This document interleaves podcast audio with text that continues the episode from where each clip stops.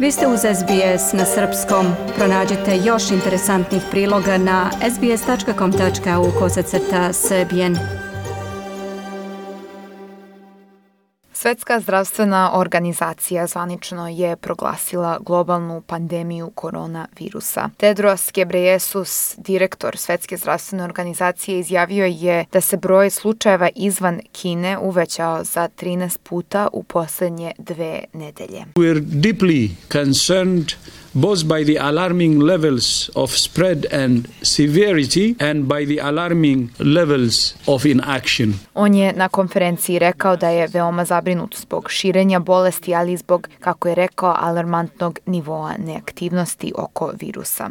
COVID-19 se do sada smatrao za epidemiju, što zapravo znači promjena termina vezanog za ovo oboljenje. Termin pandemija je rezervisan za zaraze koje se istovremeno pojavljuju u više zemalja, a šire se, a šire se u direktnom kontaktu ljudi. Poslednja pandemija je bila 2009. kada je od svinskog gripa umrlo stotine hiljada ljudi. Pandemije su češće kada je reč o novim virusima od kojih se ljudi lako zaraze. U slučaju virusa korona to se dešava pre svega zbog toga što još nije utvrđen način lečenja niti pronađena vakcina. Epidemija je izraz koji označava brzo širenje infektivne bolesti na veliki broj ljudi u kratkom vremenskom periodu, a termin pandemija se više odnosi na geografske odrednice. Naime, kada se proglasi stanje pandemije, to ukazuje da se bolest širi brzo na veliki broj ljudi i na velikom prostoru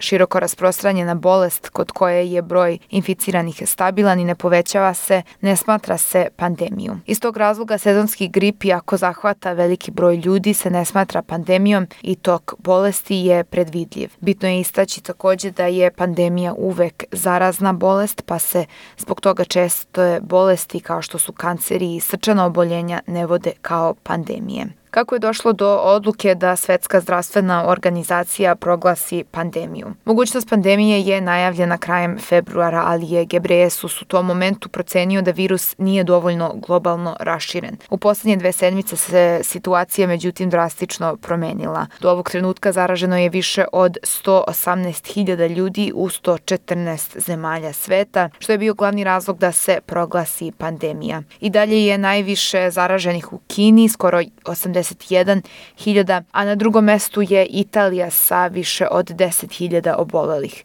Na Bliskom istoku registrovano je 9700 slučajeva, a najviše smrtnih ishoda ima u Iranu 354. U Australiji ne postoji isti nivo opasnosti, jako brojevi i ovde rastu. U Novom Južnom Velsu je za jednu noć broj diagnostikovanih porastao sa 65 na 77 i ova država ima ubedljivo najviše zaraženih. Na Tasmaniji je do danas bio otkriven samo jedan oboleli, ali su zvaničnici danas potvrdili još dva slučaja. Premijerka Novog Južnog Velsa Gladys Berejiklian je rekla da će i državne i savezna vlada nastaviti da zajedno informišu javnost o razvoju situacije. We're reviewing all of the public information we're providing, but also ensuring, and it's timely that we have COAG today, that there's a national approach with strong cooperation with the federal and state governments. That's already been existing.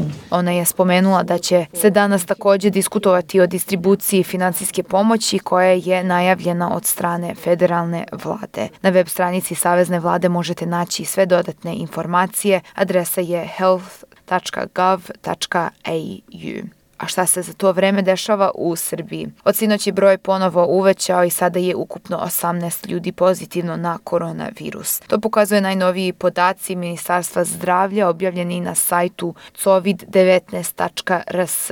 Prvi slučaj u Srbiji registrovan je 6. marta, takođe u Srbiji za sada nema preminulih od virusa korona. Direktorka kliničkog centra Vojvodine Edita Stokić demantovala je navode koji su se pojavili na društvenim mrežama da je pacijent pacijent iz Kikinde preminuo. Ona je za radio televiziju Vojvodine istakla da se on leči na infektivnoj klinici u Novom Sadu i da je u teškom stanju na mehaničnoj ventilaciji. Direktor klinike za infektivne i tropske bolesti u Beogradu, dr. Goran Stevanović, rekao je da su svi ostali novo otkriveni slučajevi lakše do umerene kliničke slike i da nisu životno ugroženi. On je naglasio da je nagli skok broja zaraženih u Srbiji rezultat ne neodgovornosti. Ovakav skok u broju obolelih je u suštini posljedica jednim dobrim delom naše neodgovornosti prema okolini i prema kolektivu, zato što najveći broj e, novo otkrivenih slučajeva potiču praktično od jednog izvora. Predsednik Srbije Aleksandar Vučić izjavio je juče da će Srbija reagovati u pravom trenutku, pravom merom. Istakao da ne treba odluke donositi unapred. On je dodao da će u narednom periodu država imati sastanak sa stručnjacima iz zdravstva, da će prema njegovom mišljenju sigurno biti mrtvih od koronavirusa. On je podsjetio i na to da je u vreme svinskog gripa 2009. godine umrlo 137 osoba,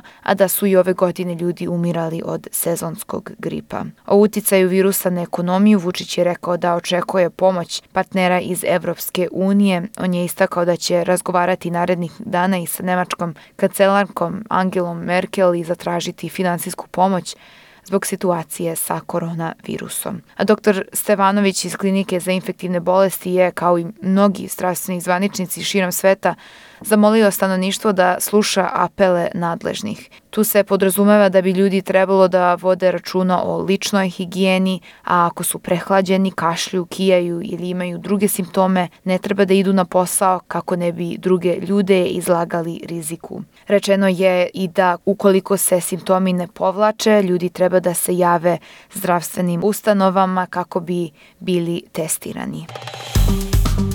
Dajte like, podelite, komentarišite. Pratite SBS Serbian Facebook profil.